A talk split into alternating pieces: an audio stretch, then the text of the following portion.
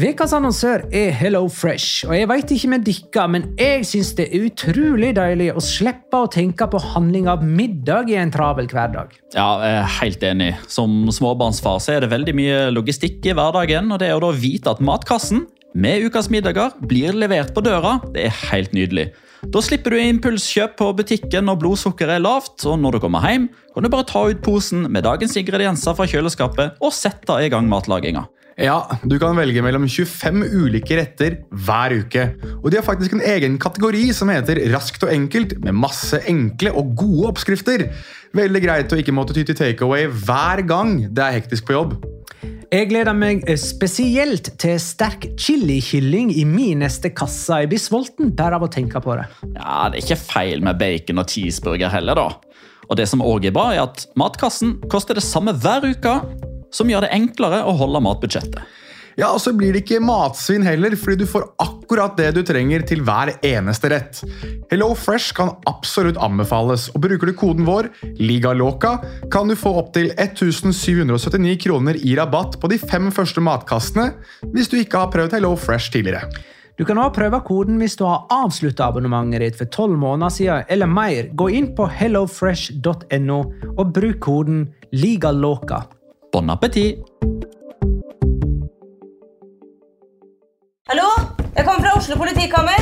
Ine Jansen er purk. Er du purk? The motherfucking bitch. Alt jeg vil, er å finne ut hva som skjedde med mannen min. Jon Carew. Er jeg sikta for noe? Iben Akeli. Det er du. Ole So, Lars Berrum og Big Daddy Karsten. Hvem sin side er du på, egentlig? Anette Hoff, Tone Danielsen, Kommer du fra Afrika?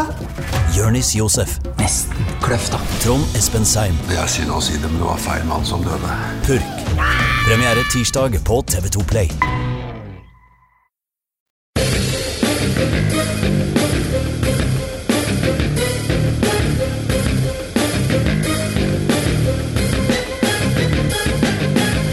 Har du sett? Benzema på 34, Lewandowski på 34, Aspas på 35. Der har hun målskårere. Valencia tar hintet og henter Cavani på 36. Og så henter Real Sociedad 26 år gamle Alexander Sjørloth. Han er da altfor ung til å skåre i La Liga. La liga loca. En litt gærnere fotball. Ja, ja, ja, dette er La Liga Loca, eh, episode 215 av det ordinære slaget med Jonas Giæver, hei. Big homes and big shaloms. Petter Wæland, hei. Hei! Og Magnar Kvalvik, hei. Halla, Magnar. Hei, Magnar. Hei. Eh, Jørgen Strand Larsen, hvis du hører på dette, det er bare tull. Kom deg til Spania selv om du er enda yngre enn det igjen. Ha! Stemmer det. Veldig eh, interessant. Vi tar på oss nisselua i dag. Det gjør vi. Og helt uh, først så går jeg raskt igjennom runden uh, med noen uh, enkle oppsummeringer. Det starta med Girona. Vi er på runde tre, bare sånn at det er sagt. Som starta med Girona, Celta Vigo 0-1. Eh, Iago Aspas har skåra i alle tre seriekamper og ble matchvinner her, da Celta fikk sin første seier for sesongen. Real Betis Osasona 1-0. Borja Iglesias har skåra i alle tre seriekamper og ble matchvinner her, da Betis fikk sin tredje seier for sesongen. Tre av tre for Betis, altså. Elche Real Sociedad 0-1. Breis Mendes med sitt første mål for Real Sociedad siden overgangen fra Celta Vigo.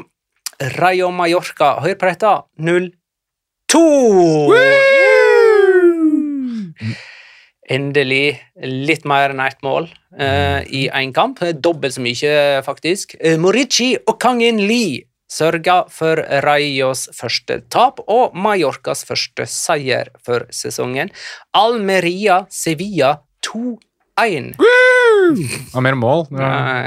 Enda flere mål. Ja, ja. Det blir bare bedre og bedre nå. Tja. Almeria sine spisser Ramazani og Omar Sadiq har skåra alle fire mål for Almeria i sesongstarten, og de hadde hvert sitt mål her. Sevilla står med ett poeng på tre seriekamper. Getafe Villarreal 0-0. Villarreal sitt første poengtap, men de har fremdeles ikke sluppet inn mål i La Liga. Barcelona Valladolid 4-0. Lewandowski skåra enten ett eller to da Barcelona for andre gang på rad skåra fire. Eh, Español Real Madrid 1-3. Benzema skåra definitivt to, og sørga for at Real Madrid sammen med deres neste motstander, Real Betis, har full pott etter tre serierunder. Kamper vi ikke har sett, det er Kadis mot Atletic Klubb. Der spør jeg for øvrig eh, Frode Fotballfrosk. Ander Herrera, Iker Monjain, Ernesto Valverde sammen i Bilbao kan dere dobbeltsjekke at kalenderen fortsatt sier 2022? For eh, Ander Herrera er offisielt tilbake nå i Bilbao. Er det? Han, Moro, det. mm, ja, han fikk jo en heroes welcome. Og uh, siste kamp vi ikke har sett, uh, Valencia Atletico Madrid. Men den skal vi jo se. Mm. Uh, så Den går jo da mandag klokka 22.00, og da sitter vi i discorden og ser på den kampen sammen mens vi snakker om det vi ser. Så for alle som har hva er det, en tusenlapp å avse i måneden, så, eh, så bli med. Nei da, det er, eh, det er en hundrelapp minimum i måneden for å få tilgang til Discord. Der har vi jo nå åpnet en egen lydkanal. Den har- prøvde jo du og jeg ut sammen, Magnar, da vi så Champions League-trekninga. Det gjorde vi. Det gikk jo knirkefritt. Det var stor stas. Så vi prøver å gjøre det på kamper, og der skal dere to, altså Petter og Magnar, være, og jeg. Um, og så er det mulig å stille spørsmål og så videre underveis hvis man plutselig kommer på noe man har lyst til å spørre om. Siden vi, er, vi har jo ikke sett kampen, men likevel så er jo nyheten eh, eh, nær forestående om Cavani, vel, til Valencia. Kimpa skriver 'Tanke om Cavani til Valencia'. Eh, David Sørhaug vil jo til og med at du, Jonas, skal sette karakter fra én til ti om hvor fornøyd du er med den signeringen. Uh, pff, ja 1 til 10 på Kavani. Det er vel en sterk 16, tror jeg. Eh, nei, men altså De, Hvis Maxi Gomez forsvinner òg i samme slenge, ja, Jo, ja, ja, det fordrer jo det. da er det terningkast yatzy. Og hvis Marcos André også forsvinner, da er det holdt på å si, da er det yatzy med bare seksere. Uh, nei, altså, jeg synes det, den, den signeringa der, det er Jeg kan ikke huske sist gang det Valencia signerte en spiller jeg syns like ble like entusiastisk over som eh, Edinson Cavani. Det er eh, spinnvilt at de har klart det. Han er fremdeles kvalitet i den alderen han er i. Og, Hva var, hva var det Frode Fotballforsk lurte på? Hva år var det igjen? Altså, Ja, 2020. ja, ja, men det er, det er greit å poengtere, men eh, Cavani er evig. Eh, Cavani blir aldri dårlig. Aldri dårlig! Eh, For øvrig, en du nevnte, ikke, ikke tok med i den eh, forankringen av gamlinger som gjør det sånn ganske bra. Han gjør det ikke like bra nå, da, men Falcao han kan godt bli Rayo Vallecano, og så kan godt Cavani få lov til å være i Valencia. så får vi se om Diego Costa Ja, kommer til. Rayo. Da skal jo visstnok Andoni Iraola trekke seg. Ja, jeg han, så det. eh, Hvis han kommer. Men er det blitt litt sånn nå da, at eh, La Liga har blitt litt nye, har blitt litt sånn som Serie A? Altså, Det er liksom ikke Aqua Fresca, Coagliarella og Matri og sånn, men det er jo litt samme. La Liga er verdens beste barnehage- og eldresenter. Men hvis du er i full jobb og i full vigør, da er du i Premier League. Er det barnehagen? Er det liksom RFEF? Altså, Det er? Gavi og gjengen, det. Ah, ja! Barnehjem og Eller barne, Barnehage og. Barnehage og eldresenter. Ja. Mm. Barnehjem, faktisk. ja. Ja, ja, nei, men hvis vi skal ta og snakke om kampene da, så tenkte jeg å være original og bønna med Elche Real Sociedad. Det høres uh, uvanlig ut, kanskje, men uh, folk vil etter hvert forstå at vi sitter med nisselua på, for Alexander Isak har jo forlatt Real Sociedad for mange hundre millioner kroner. Er det nok å hente inn Alexander eh, Sørloth? Nei. Eller eh, tenker de han som en backup for eh, en de skal legge ut litt ekstra for? Nei, men la, la, la meg utdype. Det kom et sånn fra Jonas her. Eh, Nei! Det var så, det var så bombastisk. Jo, men det er fordi det er det enkle svaret på spørsmålet. De er jo ikke ferdig handla, de skal jo hente en til. Og det har jo Jokin Aperibay og Roberto Olabe og hele gjengen egentlig sagt. At eh, Isak bort var liksom det som gjorde at de fikk det bråttom. Altså, nå måtte de bare ha Sørloth.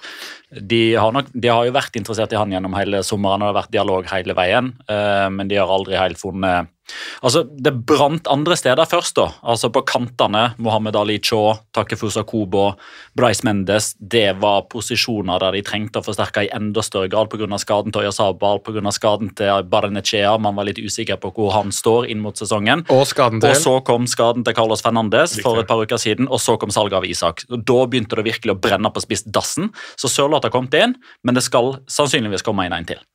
Det, var, det var, kunne blitt Kavani. Men Kavani, vet Skjønner det! Med Staya, ikke sant? Får ikke spille på Real Sociedad. vet du. Nei, Ikke, ødelegg en god historie med fakta nå. Men har, har du en tanke om hvem det skal være? Raúl de Tomas eh, snakkes det om, Oi, okay. men han er jo særdeles eh, heavy linka til bl.a. Sevilla òg. Ja. En annen som er nevnt, er Omar Sadiq. Han ble nevnt nå før vi gikk på, at han, hans navn virkelig har dukket opp igjen. Ja, og, og dette her er litt sånn eh, Det er litt sånn storleiken, dette her, fordi Real Sociedad, Villarreal og Valencia har jo alle vært på jakt etter spisser, og alle de har jo blitt satt i sammenheng med både Sadiq og Kavani. Så når den ene velger den ene, så skal den andre til den andre, og så er det Ole Thomas en faktor i det, i det hele her òg, og så ja. Men for å ta Mikael Ø. Scherer sitt spørsmål, eh, har vi noen tanker om Alexander Sørloth til Lareal? Eh, det var ikke sånn at han hamra inn mål forrige sesong. Han hadde vel en eh, Han avslutta bra. Ja.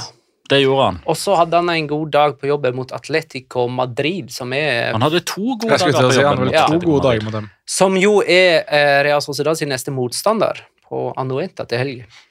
Ja, jeg, jeg synes um, For å å si, klappe meg selv på ryggen, jeg snakket med spansk radio om det her i dag. og Det jeg tror er, det jeg sa til dem, og det jeg tror har vært viktig for Alexander Sørloth, er jo det at han får kontinuitet.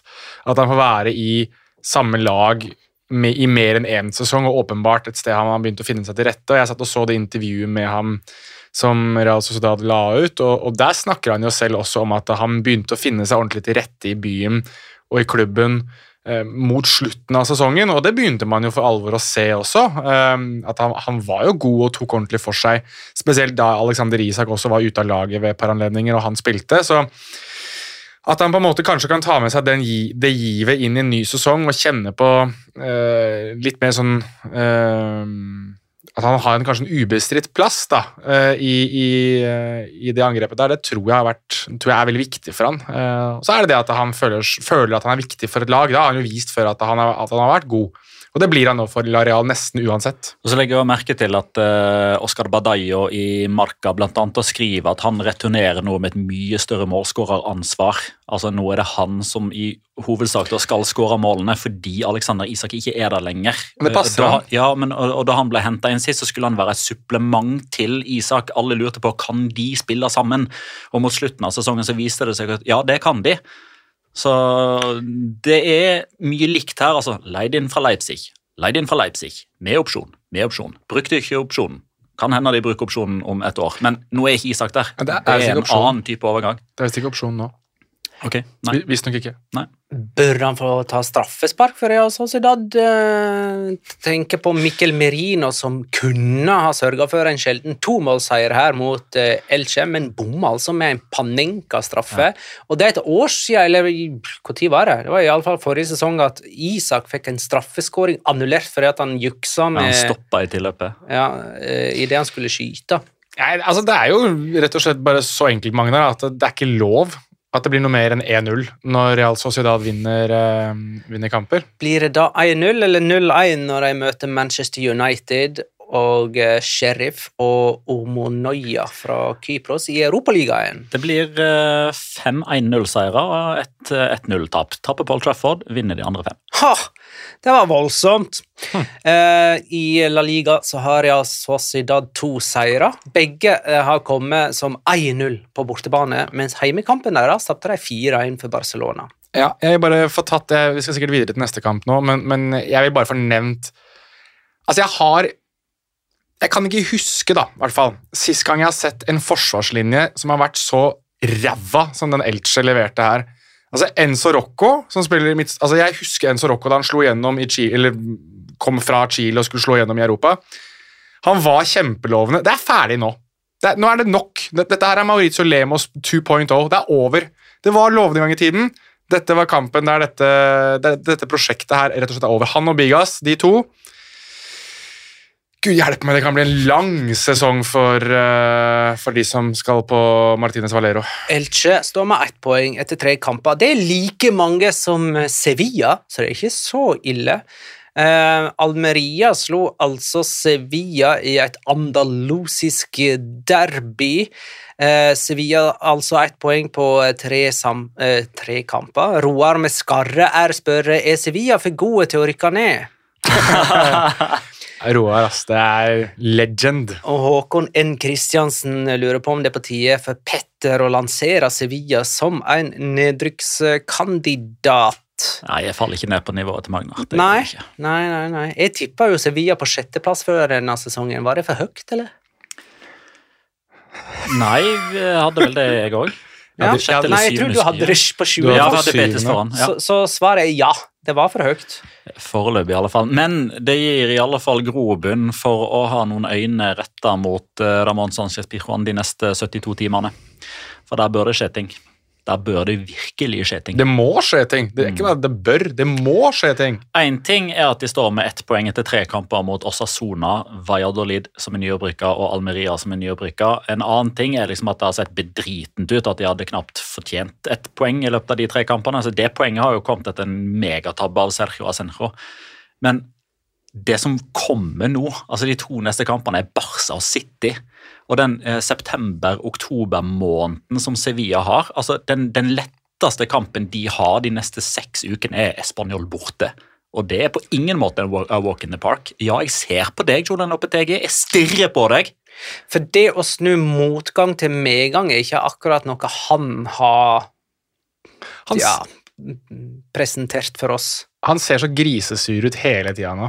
Altså, det- Tre seire på de siste 15 seriekampene av Sevilla. Så altså, Denne motgangen den starta ikke nå, den starta i når var det, februar, etter en seier mot Betis. Jeg må jo, altså um det er Sikkert litt blasert av det, Petter snakket om forrige uke. Jeg har hørt episoden igjen, hvilket jeg pleier å gjøre. eh, for jeg syns vi pleier å ha mye gode poeng.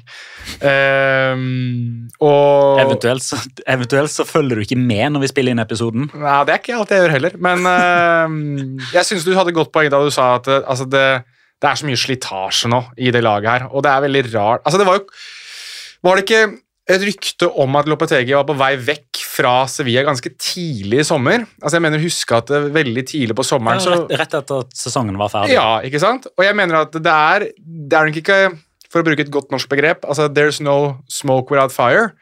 Eh, det må, Ja, uten, eh, ingen røyk uten ild, som vi Ja. sier på norsk, da. jeg, vet du hva? Dette er sånn som man kan eh, forstå at jeg er litt sliten på. Når jeg ikke husker norske ting og husker kun på engelsk, da er jeg sliten. Og jeg er litt sliten i dag. Ehm, men det ryktet det ble jo på en måte, det var, Monchi gikk vel ut selv og sa at det ikke stemte, men jeg mener at det må jo ha vært noe murring der og noe, noe uenighet. Og det virker som det bare har blitt tatt inn i sesong. Og så mener jeg at dette her er I hvert fall i hans andre tid i Sevilla så er dette her første sommeren der jeg syns Monchi rett og slett har vært jævlig dårlig. Altså som Han har ikke erstattet noen, han har ikke forbedret laget på noen måte. Det er mangler over hele fjøla. Og her spilte de jo mot denne Omar Sadiq, som alle snakka så varmt om. I tillegg eh, så har jo Almeria en eh, spennende spiss, syns jeg, Ramazani, som har skåra både mot Real Madrid og eh, Sevilla. Litt sånn i skyggen for Omar Sadiq eh, av en eller annen grunn.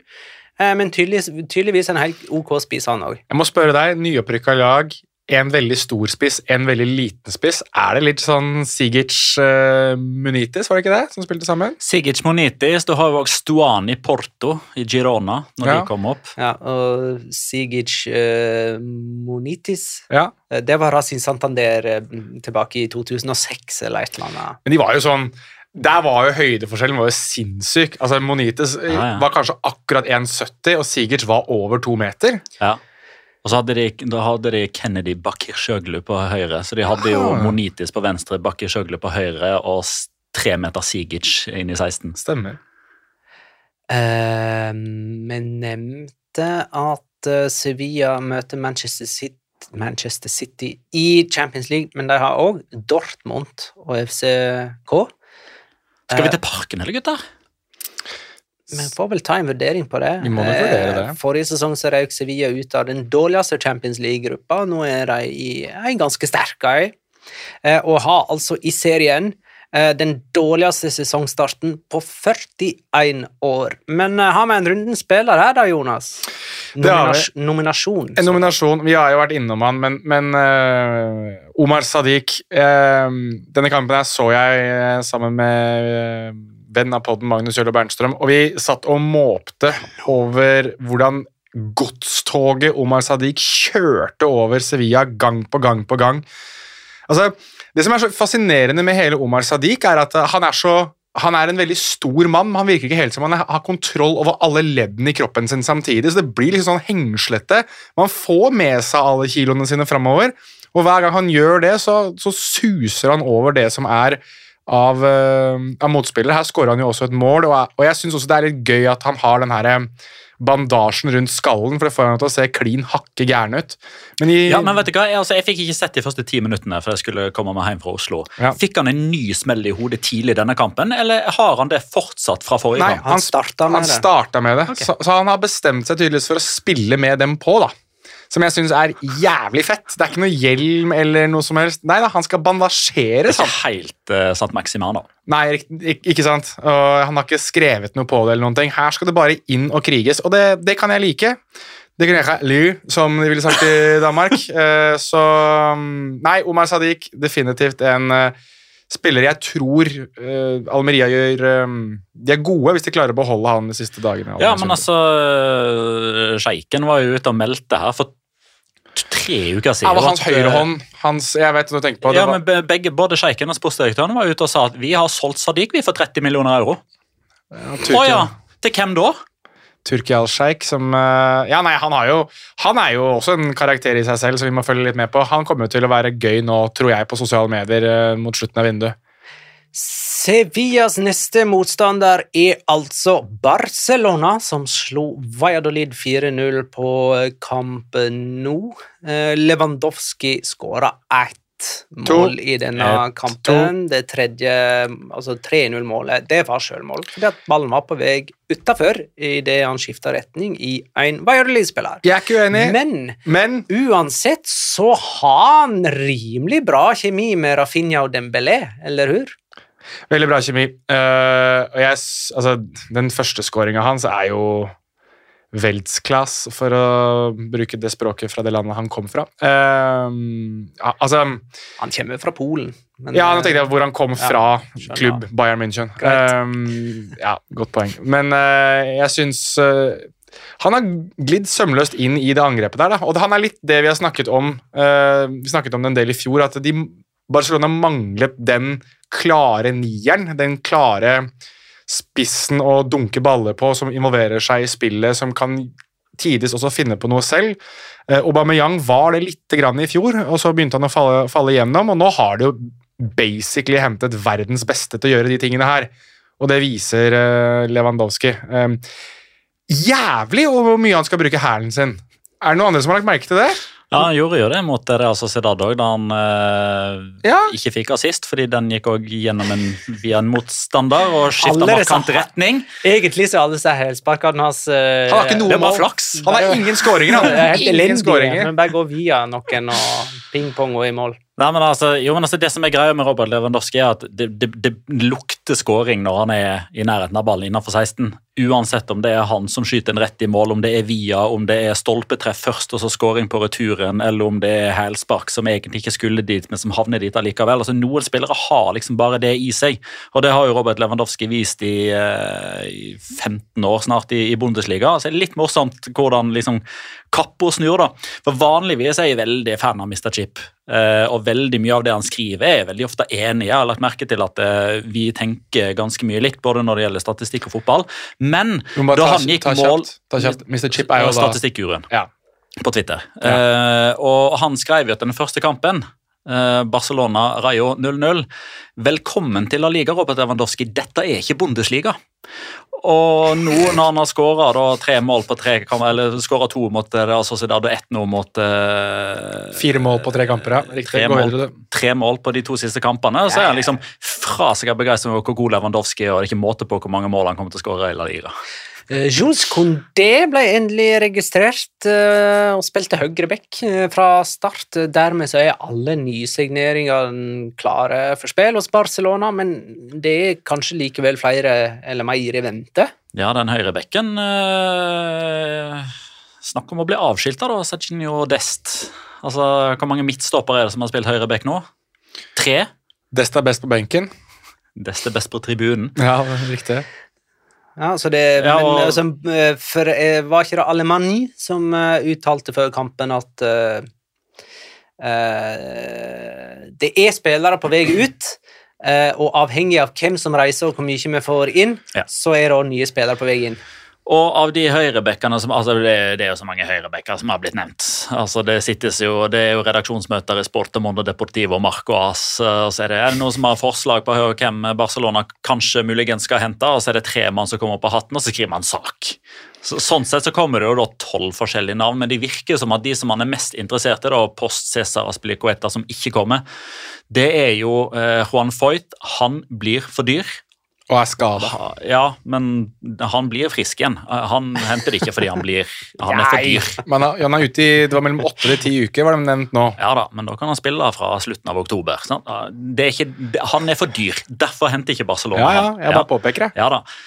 Eh, og så er det jo en mann, da, eh, som Altså, jeg har vært i så mange redaksjonsmøter eh, i Viaplay nå de siste tre årene hvis eh, navn på denne vedkommende har blitt latterliggjort og latterliggjort og latterliggjort.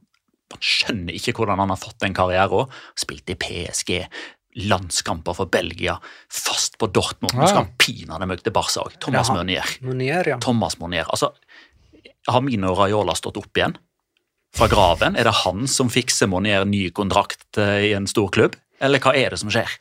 Samme agent som Alvaro Morata, naturligvis. Uh. Eh, Jørn Henland spør er det kun førsteplass som er godt nok med tanke på alle pengene som er brukt og alle rettigheter som er solgt for Barcelona. Ja. Nei, Uh, hva er det som er godt nok? da? andreplass og Champions League-trofé, men det er godt nok, det. Champions, De må okay, ha så, tittel. så førsteplass i Champions League er godt nok? Det er ja. godt nok. Ja, men eh, så sa jeg da vi hadde sesongpreviewen vår, så sa jeg at jeg tror de vinner liga, men ikke Champions League. Ja. Og det er godt nok. Men hvis, Det er godt nok. men hvis de ikke vinner noen ting, eller noen av de to, da er det godt nok. An, altså Andreplass i La Liga, semifinale i Champions League og Copa del Rey tenker jeg er helt ok, men da er de dundrende nødt til å vinne neste sesong. Hva med andreplass i La Liga og førsteplass i Europaligaen etter å ha blitt nummer tre i gruppa med Bayern og Inter? Det blir, det blir nei. Det er ikke godt nok. Nei. Det blir nei, Magnar. Nei. Uh, Asap Storgassen. Du må lese det Han heter egentlig Fredrik. Beklager transferspørsmål, skriver han. Frenke de Jong til Liverpool, yay or nay? Jeg veit jo egentlig svaret, skriver han, men det er jo litt gøy oss sjøl pina med hopium. Han er Liverpool-supporter. Hopium, ja. Den syns jeg var kul. Mm. Uh, så kan jeg anbefale utestedet Opium i Barcelona mens jeg er på det. Jeg lo så godt godt ennå at jeg fikk ikke med meg spørsmålet. Eh, Frenke, Frenke de Frenkie de Jong til oh, ja. Liverpool. Til Liverpool. Yay eller nei? Nei. Nei, det blir nei fra meg òg, men, eh, men er Jo, eh, men er det Hva er dere Altså, tror dere han ikke går til Liverpool? Er det det som er yeah or nay? Nei, altså, jeg, hadde, Ja. jeg skulle likt å sett det. Altså, Ja, ja, tanken, absolutt, men jeg tror ikke at det skjer. Nei, jeg tror ikke det skjer. Nei, eh, Liverpool er jo litt sånn i midtbane Nei, ja, det gikk noe greit med dem i helga, så jeg. Eh, Bare 9-0 der. eh, Gavi spilte sin 50. kamp for eh, Barcelona i en alder av 18 år og 23 dager.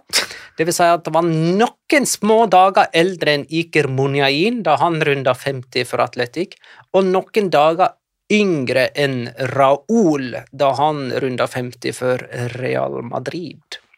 Han kommer til å spille så sinnssykt mye, han. Hvis han jeg, håper bare, jeg håper at ikke han er sånn som blir lurt til pengemaskin et eller annet sted. Newcastle eller PSG eller til og med noen av de, altså Manchester United. Jeg håper han blir værende i Barcelona ut karrieren. Det hadde vært så nydelig. Akkurat nå så frykter jeg ikke noe eh, exit på han derfra. Nei, men kan jeg ta en som også jeg syns Barcelona burde frykte exit på? og Det er Ronald Araujo.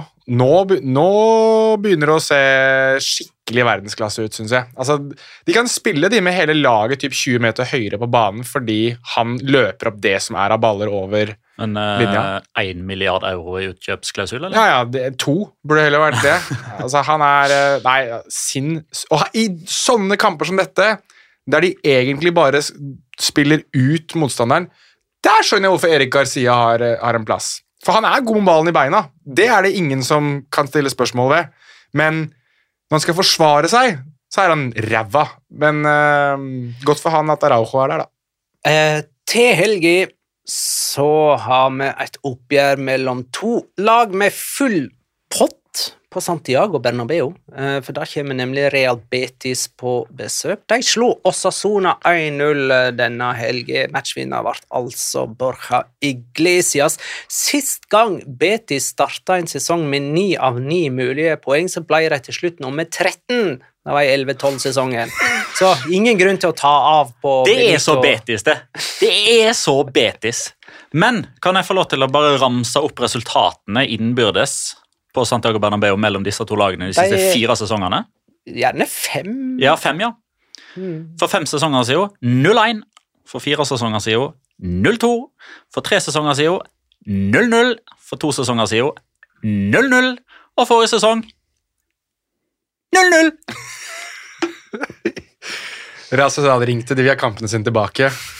Jo, men at Real Betis holder nullen eh, fem strake bortekamper mot eh, Real Madrid Og så må jeg korrigere meg selv. Alle fem er ikke på Santiago Nei, Bernabeu. Det det- var én på. Alfredo Di Stefano. Ikke to? Det var to. Én på Alfredo Di Stefano. Ok. Ja, det er greit.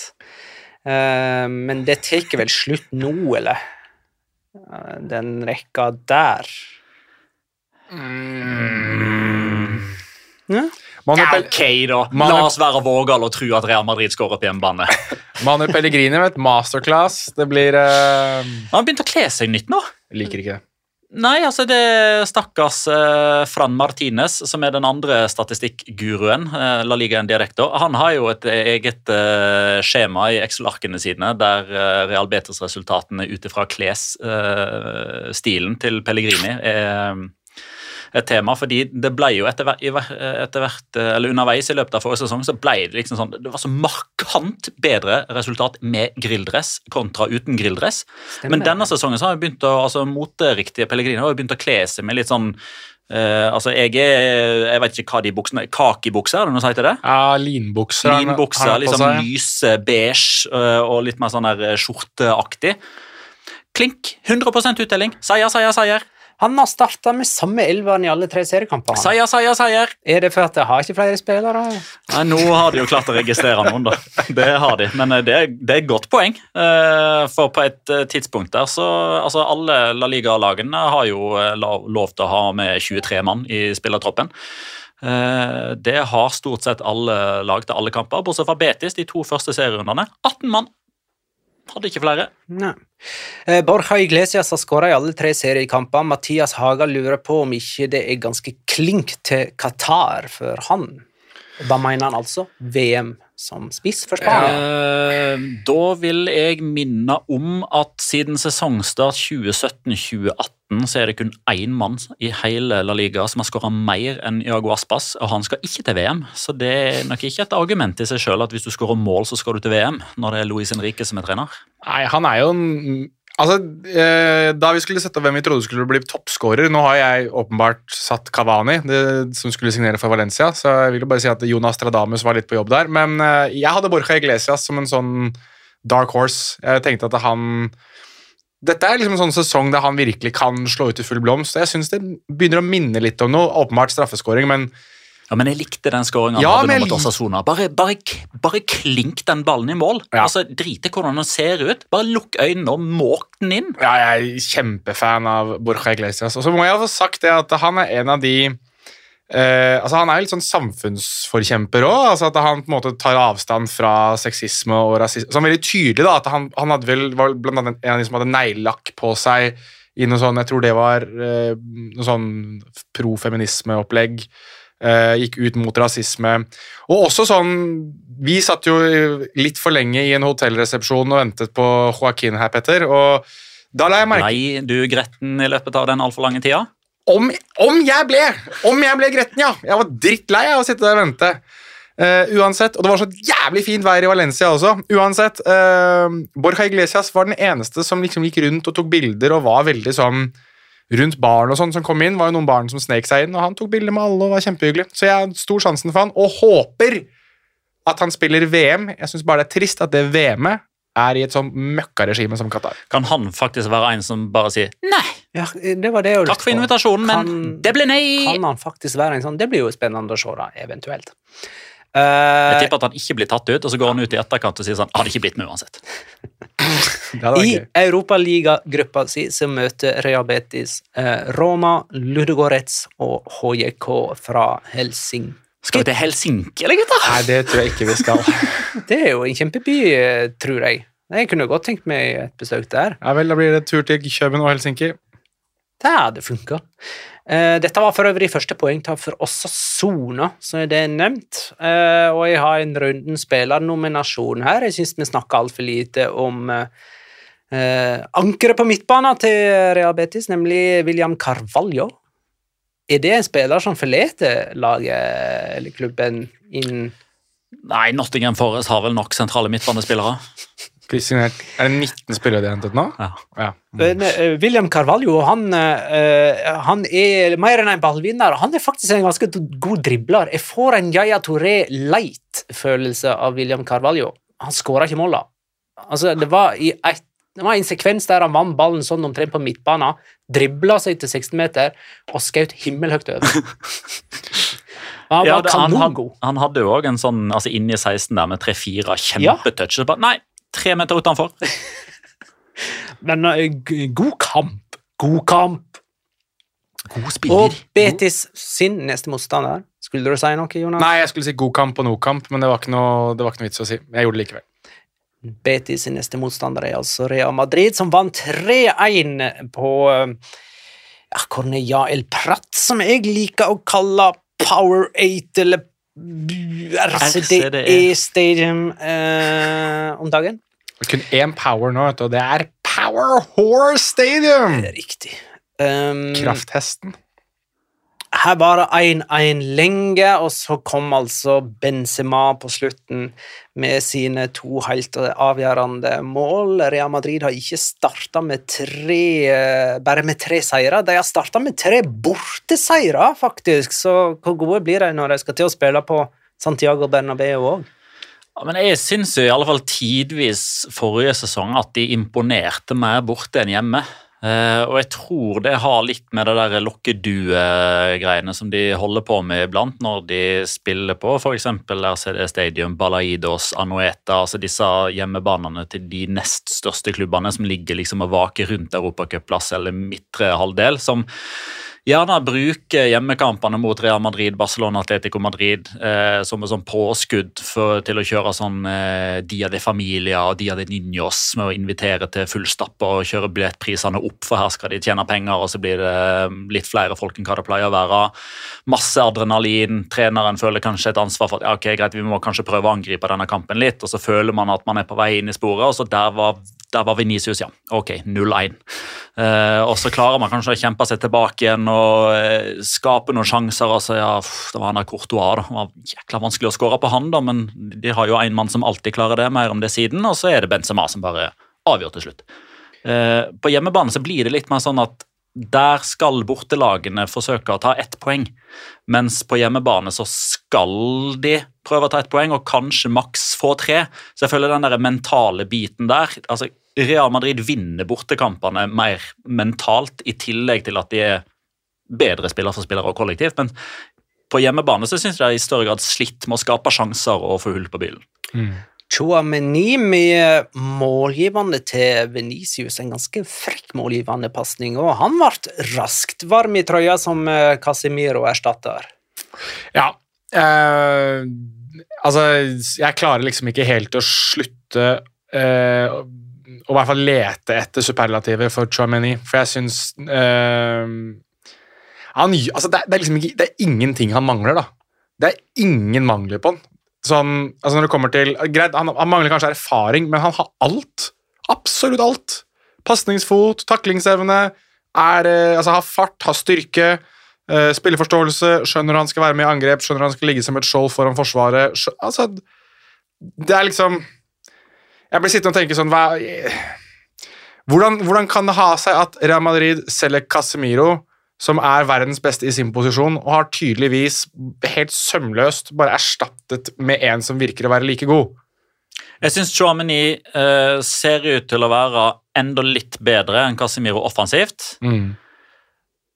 men har fortsatt litt å gå på defensivt. Men det kommer jo med dette med rutine og erfaring, Ja, ja, ja. og at man blir sammenligna med den slueste reven i skogen. Men så var jo ikke Casimiro så god, er ikke det noen som har sagt det nå? da? Jeg lurer på hvor de sa det.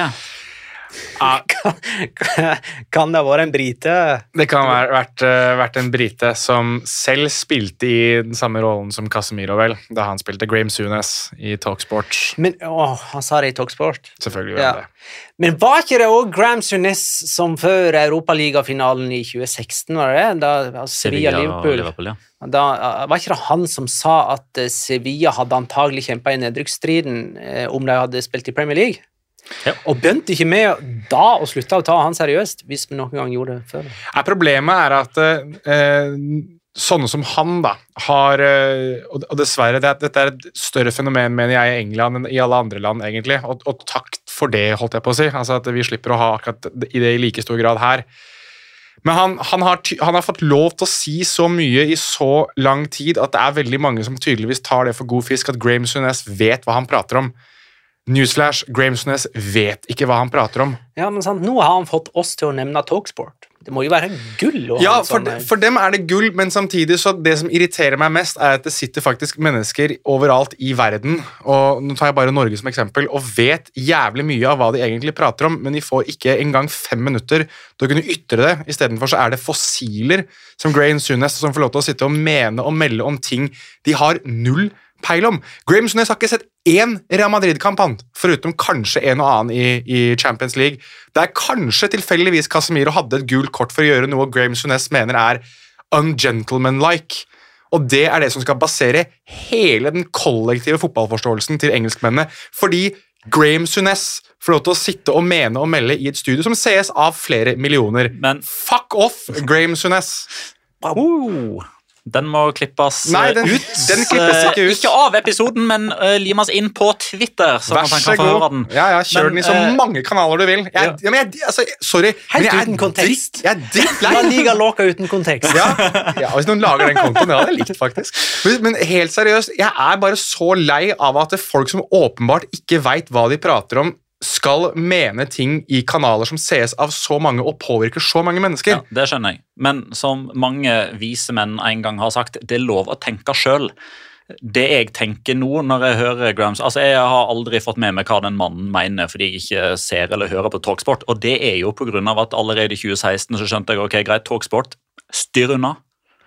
Jo, det, Dette var vel strengt tatt i Sky Sports, faktisk. fordi at han har jo, han, Jeg tror han er ganske ny jeg, i Talksport. Han, var, han har vært lenge i Sky Den, Sports. den i 2016 tror jeg var Sky Sports. Ja, han har vært lenge, altså, og, syns du sa at det var Talk allerede da, så tenkte Nei, at det var Sunes den gangen. Oh, ja, ok. Han er begge steder nå, visstnok. Så det er, han har flere kanaler. da. Han har radio og TV, han. Hvor han kan få lov til å sitte og mene sånne ting. Best i Arendalen, kanskje. Um, skal vi se hør på La Liga Loca! De veit hva de prater om. Det er første gang på fem år at Real Madrid vinner sine tre første bortekamper. Eh, og de møter Leipzig, Shakhtar og Celtic i Champions League. Høres ut som en lett gruppe, eh, Ja. og kanskje er det det òg. Jeg så, jeg så en sånn der eh, eh, Er det Football Conspiracies eh, Conspiracy theories? theories. Sjakta Shakhtar Donetsk was founded just to meet Real Madrid in Champions League. Men, men altså, dette, dette skjer jo i ei tid der eh, rotering er helt essensielt. Eh, jeg har kommet fram til at i oktober, for de som er interessert i La Liga og Europacup, så er det en kamp hver dag i hele oktober. Eh, og, og nå er ikke det sånn at eh, Real Madrid alene skal spille hver dag i oktober, det, men eh, kampene kommer tett. Og da er det kanskje ganske greit å ha en noenlunde OK Champions League-gruppe til å kunne liksom hvile noen nøkkelspillere. Ja, jeg bare for å si det, jeg beklager allerede til kjæresten min. Ehm, men jeg, er litt uenig med deg, Magnar, i det at roteringer er så, så viktig. fordi at med tanke på at du har fem bytter nå, så tror jeg det er flere klubber som ikke tenker at de må rotere. Altså, Du kan heller bytte tidligere en kamp. da. Ehm, for eksempel, du, du kan bytte deg ikke til fant nødvendigvis hvis du tar ut to spillere i det 60. minutt, eller i det 50. minutt, for så vidt. Du har så mange bytter nå at jeg tror eh, det, det er sånn man heller hviler spillere framover. Ok. Tror jeg, da. Ja. Men jeg tror vi har en, eh, et par locoras fra denne kampen. Eh, Vi kan jo eh, få et, få et oppspill kanskje til den ene, fra Viktor Hallnes. Bra av VAR å redde dommeren i Spanjol Real Madrid. Og er det gøy å se utespillere ta på seg hansker og gå i mål der det ender med skåring? Det er kjempegøy. Uh, og nå har jeg en uh, dobbel locora, der den ene bygger bru til den andre. Eh, for Den første locoraen er jo liksom situasjonen i seg sjøl. Uh, altså det er spilt uh, 94,5 minutt, er det vel. Uh, Melero Lopez er i ferd med å gjennomføre en kamp der han ikke har delt ut et eneste kort. Og du ser han er så happy med det. For det er spillere som kjefter og smeller, og han bare mm, mm, mm, nei, nei, nei, nei, nei, nei, du skal, nei, du får ikke kortet. Nei, nei, nei, nei, bare ta Nei, nei, nei, jeg skal ikke dele ut kortet i denne kampen her. Og han gjør jo ikke det heller når eh, Benjamin Lacomte først da knocker ned sin egen spiller. Eh, altså ikke helt sånn Kieran Dyer, Lee Boyer-variant, men han slår faktisk ned sin egen lagkamerat, som er Leandro Cabrera, som blir liggende i, i dørken der. I en duell utenfor 16 I en duell utenfor 16. eh, Dårlig kommunikasjon, dårlig timing. Alt var bare dårlig. Og For å toppe det så plukker jo Dani Ceballos opp den løse kula og tupper den inn i 16. og blir jo, eh, Det er jo nesten rart at den foten ikke bare brekker i to. At den støvelen med skoen på fyker opp på tribunen. For han sparker hardt rett i leggen på Ceballos, som heldigvis ikke har Det er jo ikke standfoten, da heldigvis. Den er jo tre meter opp i lufta. Men uansett så blir jo stakkars Melero Lopez eh, kalt bort til monitoren, da, og da har du ikke noe valg. Ok, da, Det blir kort i denne kampen. Han sto der lenge. Han sto der lenge. Jeg tenkte sånn, Kan jeg komme meg ut av dette her på noe vis? Ja, Det er jo en espanjolspiller i bildet her. da Kunne han ha rukket den ballen før? Men nei da, han måtte innsatt slaget ble tapt. Direkte rødt. Alle byttene var gjort, så da måtte jo Hvem var det som måtte gå i mål, da? Jo, det var han som nettopp ble slått ned. det. Lando Cabrera han eh, trakk det korteste strået, måtte ta på seg eh, keeperhanskene og slapp jo da selvfølgelig inn det målet fra Karim Benzema. Det var hans første frisparkskåring i Real Madrid noensinne. eh, Så der har du et pubspørsmål. Hva var spesielt med det første frisparkmålet til Karim Benzema i Real Madrid? Og det var det første eh, frisparkmålet som en utespiller slapp inn siden Cristiano Biragi sto i mål for Granada mot Real Betis i 2016. Hvem skåra da? Jo, det var Ruben Castro. Hva skjedde med Ruben Castro denne helga? Jo, han ble tidenes eldste målskårer i La Liga-sammenheng, altså paraplyorganisasjonen La Liga, Primera pluss Segunda, som 41-åring, og han skårte da mot sitt 42. lag. Der tok du min lokora locora i samme slengen. Å ja. Mm. Ruben Castro. Å ja. Eh, Men du sa du hadde en locora i denne kampen. Det var meg, det som hadde det. er Jonas som har den andre Så du tok Locoraen hans. Så Locoraen nå er Ja, til Locora. Skal jeg ta den, eh, skal jeg ta Roselo i samme slengen, eller? Ja, vær så god, fortsett du. Ja, det er det som er min eh, Locora. Det er jo altså, det er jo li, altså Locoraen baserer seg jo i at Joselo eh, har jo en Nå må jeg nesten få det opp her, men han har jo en ganske interessant eh, klubbkarriere. i det at Han har jo hatt en ganske lang fartstid i Castilla. altså Han spilte jo i Castilla mellom 2009 og 2012. Da fikk han 67 kamper og 33 mål. Som er rekruttlaget til Real Madrid. Og han hadde én kamp for, eh, for Real Madrids A-lag. Den skåret han i. Men siden det så ble det egentlig ikke noe Real Madrid-karriere for Joselo, som for øvrig også var i Paris ikledd Real Madrid-drakt for å heie på Real Madrid mot Liverpool i Champions League-finalen. Så dette er en mann som virkelig elsker Real Madrid. Han har da, siden han forlot klubben, spilt mot Real Madrid ni ganger. Han har skåret syv mål i seks ulike kamper mot Real Madrid for klubbene Deportivo la Coronia, Alaves og nå Español. Det er så spinnvilt det, at en spiller som spiller for sånne altså Paradise her er bedritne på det tidspunktet han scorer for dem òg. Men eh, Joselo, den evige evige hornet i siden til Real Madrid. Eh, En grei signering det av Español. Uh, eh, altså, det var jo uten overgangssum fra Alaves. Eh, og, no, og de vil jo få noen kronasjer for Raúl de Tomàs. Hvis han drar Ja, men Det har sagt- vært snakk om at han skal lånes først, faktisk. Med, Ja, ja, kanskje, kanskje. Magnar, kanskje med en obligatorisk kjøpsopsjon? Hæ? Så Da på blir du glad. sikt. Nei, men, sikt. men tro, tror vi at han forsvinner? Ja, Okay, ja. eh, det tror jeg. Petter? Eh, men eh, jeg må bare legge til med den når utespiller Cabrera går i mål for Español her, så ikke bare så slipper han inn, men han slipper jo inn det første sparket på ballen. Etter å ha gått i mål. Det er litt moro. Det er godt for. Eh, neste kamp eh, vi tar for oss her, er Girona Celta Vigo, som endte 0-1. Og Iago Aspas eh, han har altså skåra tre av Celta Vigo sine fire mål. Han har skåra 34% av alle Celta Vigo sine mål de siste åtte sesongene. Eh, Så hvis han blir langtidsskada, så rykker Celta Vigo ned, sant? Ja det, De hadde jo en eh, liten flørt med det for tre-to sesonger siden, da Jago Aspas var ute en periode hver. Ja, og så kom han tilbake mot slutten og skåra noen avgjørende mål. Ja, så Det var liksom det som ga pekepinnen på at eh, teorien din mest sannsynlig stemmer. Ja, de rykker ned hvis Jago Aspas blir, eh, blir langtidsskada. Um, jo, eh, Jørgen M. Kanestrøm lurer på om vi kan snakke om Celta Vigos interesse for Strand Larsen. Da regner jeg med jeg mener Jørgen Strand Larsen. Hvordan ville han ha passa inn i klubben? Ja, Det er jo den spissen, da. Altså, det er en litt uh, høyreist uh, spiss som de potensielt kan, uh, kan spille på ved siden av Aspas, vil jeg i hvert fall tro. Litt rart at de i så fall skal hente liksom en norsk utgave av Gonzalo Paciencia. ja, jeg, kanskje det betyr at tålmodigheten deres ikke lenger er til stede med Paciencia. Eh, jeg Paciencia er tung, altså. Ja, Sliten ja. Imponerte meg aldri i Frankfurt. Eh, I Porto så var han jo yes. stor bare pga. sin far. Ja, yes. altså, det er virkelig seigt å se på han spille fotball, altså. Men jeg kan i hvert fall Kjempefin heading i debuten mot Espenolda, det skal han jo ha. da, jo Men, da. eh, men altså, jeg har s- saumfart litt av de spanske mediene, for det er jo TV 2 som melder dette. Etter at Vuetball Internasjonal International eh, meldte det i morges. Jeg kan jeg vet ikke, altså TV 2 har allerede sagt det, men jeg kan i hvert fall bekrefte at det stemmer. Ja, eh, Men det som er interessant, er at det står absolutt Altså, han er ikke name-droppa ett sted i Spania. Men Marca, AS, Lavotte Galicia og Faro de Vigo har alle ute en sak i dag om at det er én ting som gjenstår på overgangsmarkedet for eh, Celta Vigo, i tillegg til å få orden på Dennis Suárez-sagaen. El Nueve. Men han er ikke nevnt med navn ett eneste sted. Så jeg, etter et langt liv Hvem eh, som ikke er nevnt? Uh, Jørgen Strand Larsen. Hans okay. navn er ikke nevnt av ett eneste spansk medium. Men, men de har bydd på han, og jeg har fått avslag. Det har jeg fått bekreftet. Han skåra 14 mål for Groningen uh, i Eredivisie forrige sesong.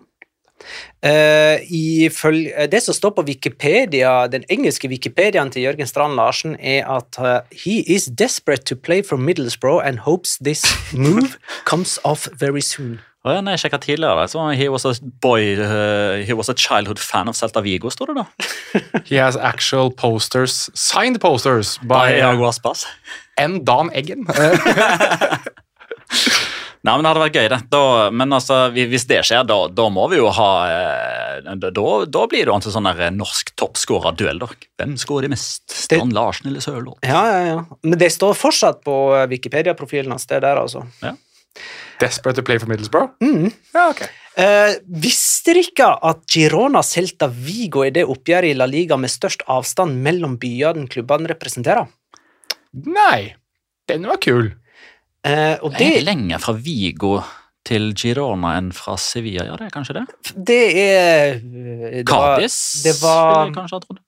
Ja, eh, det var eh, Pedrito Numeros som gjorde meg oppmerksom på dette. Altså, Girona ligger helt øst nord i Spania. Eh, Vigo ligger helt vest nord i Spania. Og det er på det breieste Spania er. Og Det er Spania på sitt bredeste eh, har lengre avstand enn eh, fra nord til sør. Så det er litt kortere mellom jeg- Bilbao i nord og Almeria i sør. men eh, sånn rent automatisk så tenker jeg da fra nordøst til nordvest kontra fra nordøst til sørvest. Så tenker jeg at det må jo være lenger til sør. Nei, men altså, Der ligger Portugal, vet du, og eter seg inn over den Ja, iberiske halvøya. Kadis ligger jo langt ute i Atlanterhavet.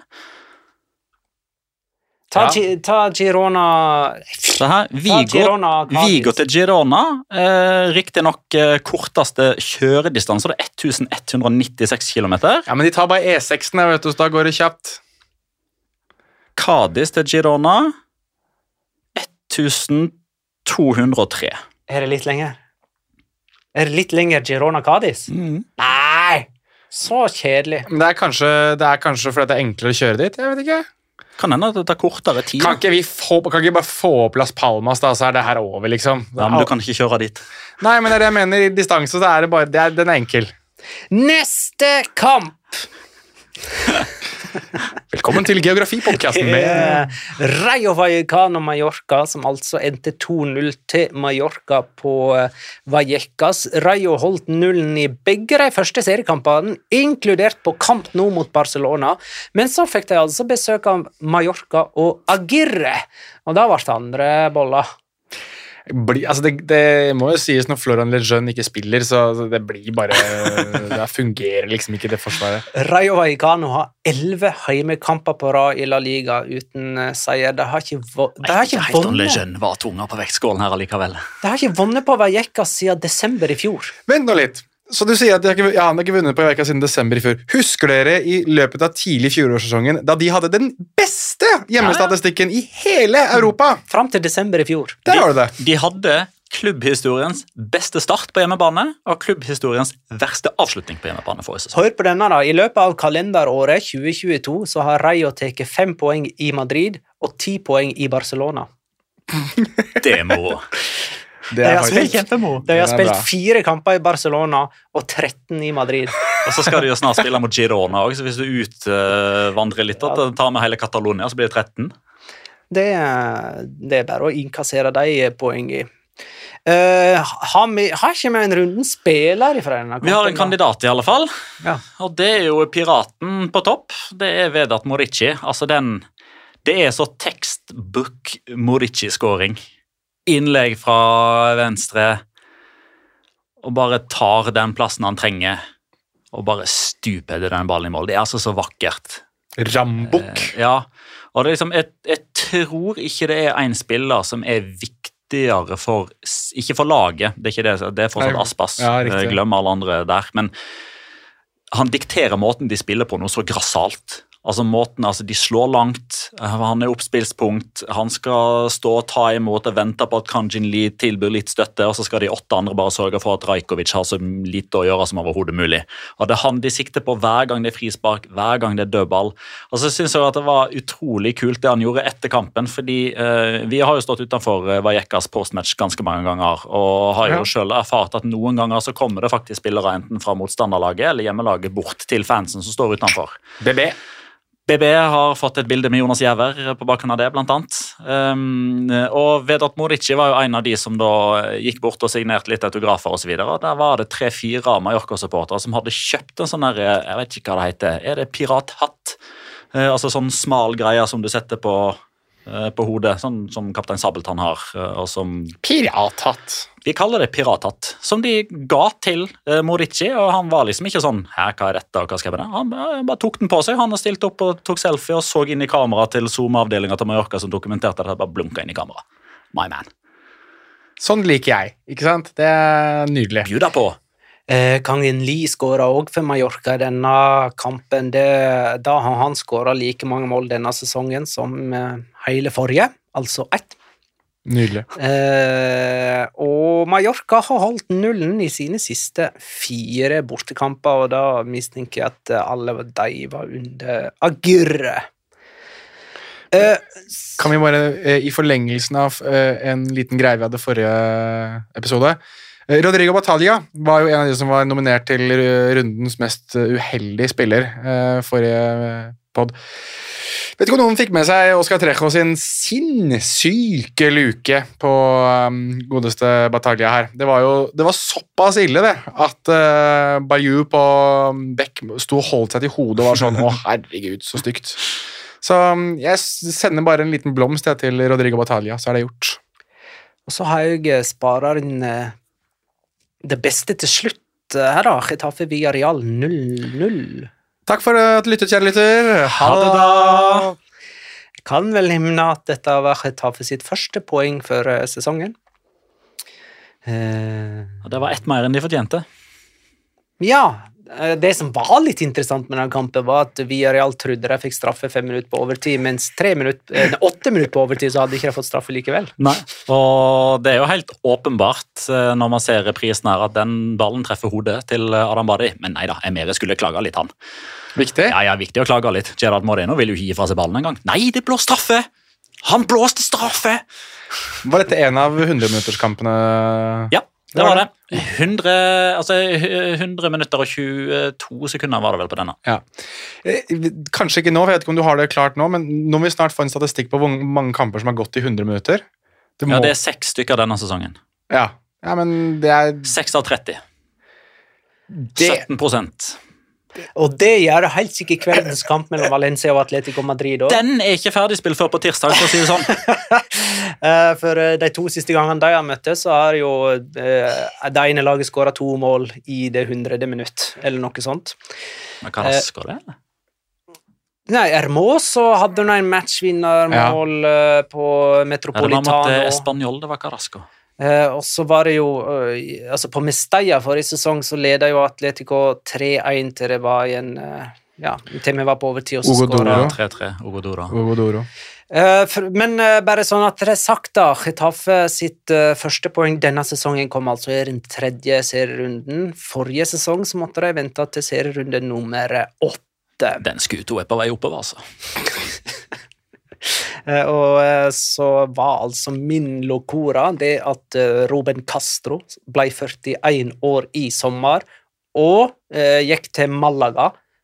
Og så skåra nå denne helgen mot Mirandes og ble altså tidenes eldste, eller tidenes første 41-åring som skåra i en av de to øverste divisjonene i Spania. Han har skåra i hver sesong på, på enten, i enten primæra eller Segunda siden 01-02. Altså 1901-1902. Riktig. Uh, nei, men uh, skal vi se. Vi har altså spillernominasjonene William Carvalho i Real Betis, uh, Morici i Mallorca og Omar Sadiq i Almeria. Skal vi bli enige om at det er Omar Sadiq, da, eller? Som er rundspiller, eller hva sier du, Petter?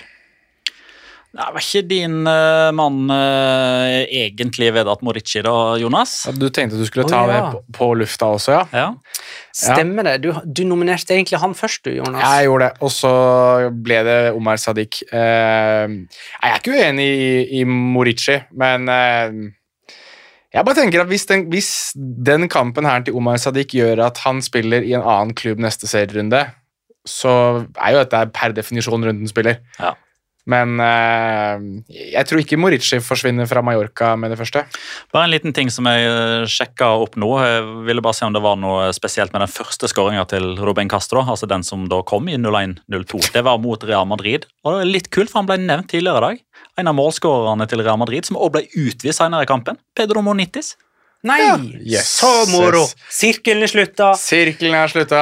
Da kan vi gå på tippekamp. Eh, Det er jo ikke så mye å snakke om der, da, siden forrige tippekamp var Valencia og Atletico Madrid, som jeg ennå ikke har sett.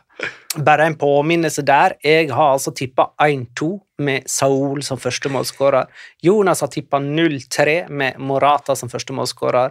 Og Petter har tippa 0-2 med Jao Felix som førstemålsskårer. Kan jeg komme med tilleggsbett? Eh, Til den kampen? Ja. Cavani ikke spiller klar, altså. Nei, nei.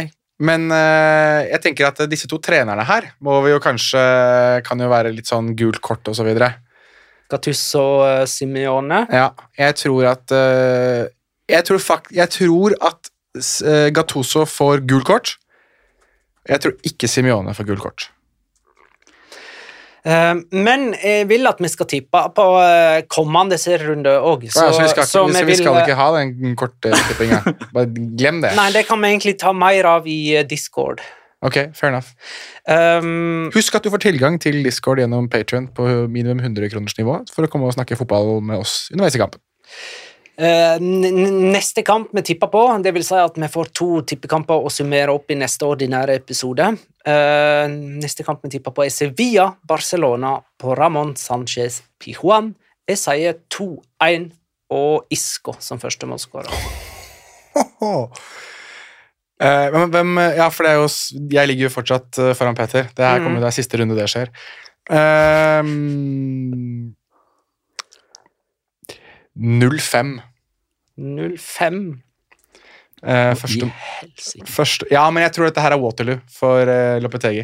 Jeg tror dette, dette er Waterloo. Ja, jeg, tror han, jeg tror han sånn uh, redda jobben ei uke til, type. Ja, du tror det er den kampen, ja? Så, den er sånn uff, Enda ei uke med Lopetegi. Det er sånn Toto, Toto Berizzo mot slutten. Um,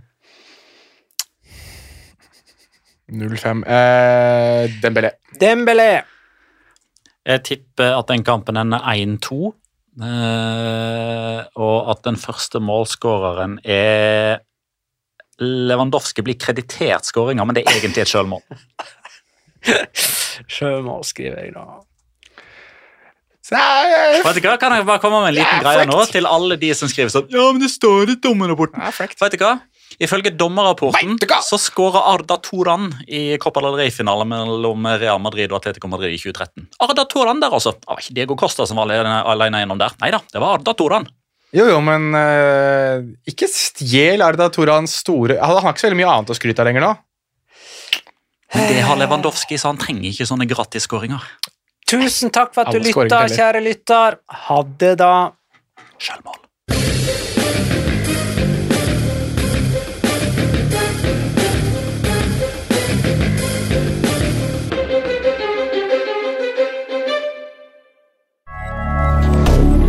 Moderne media.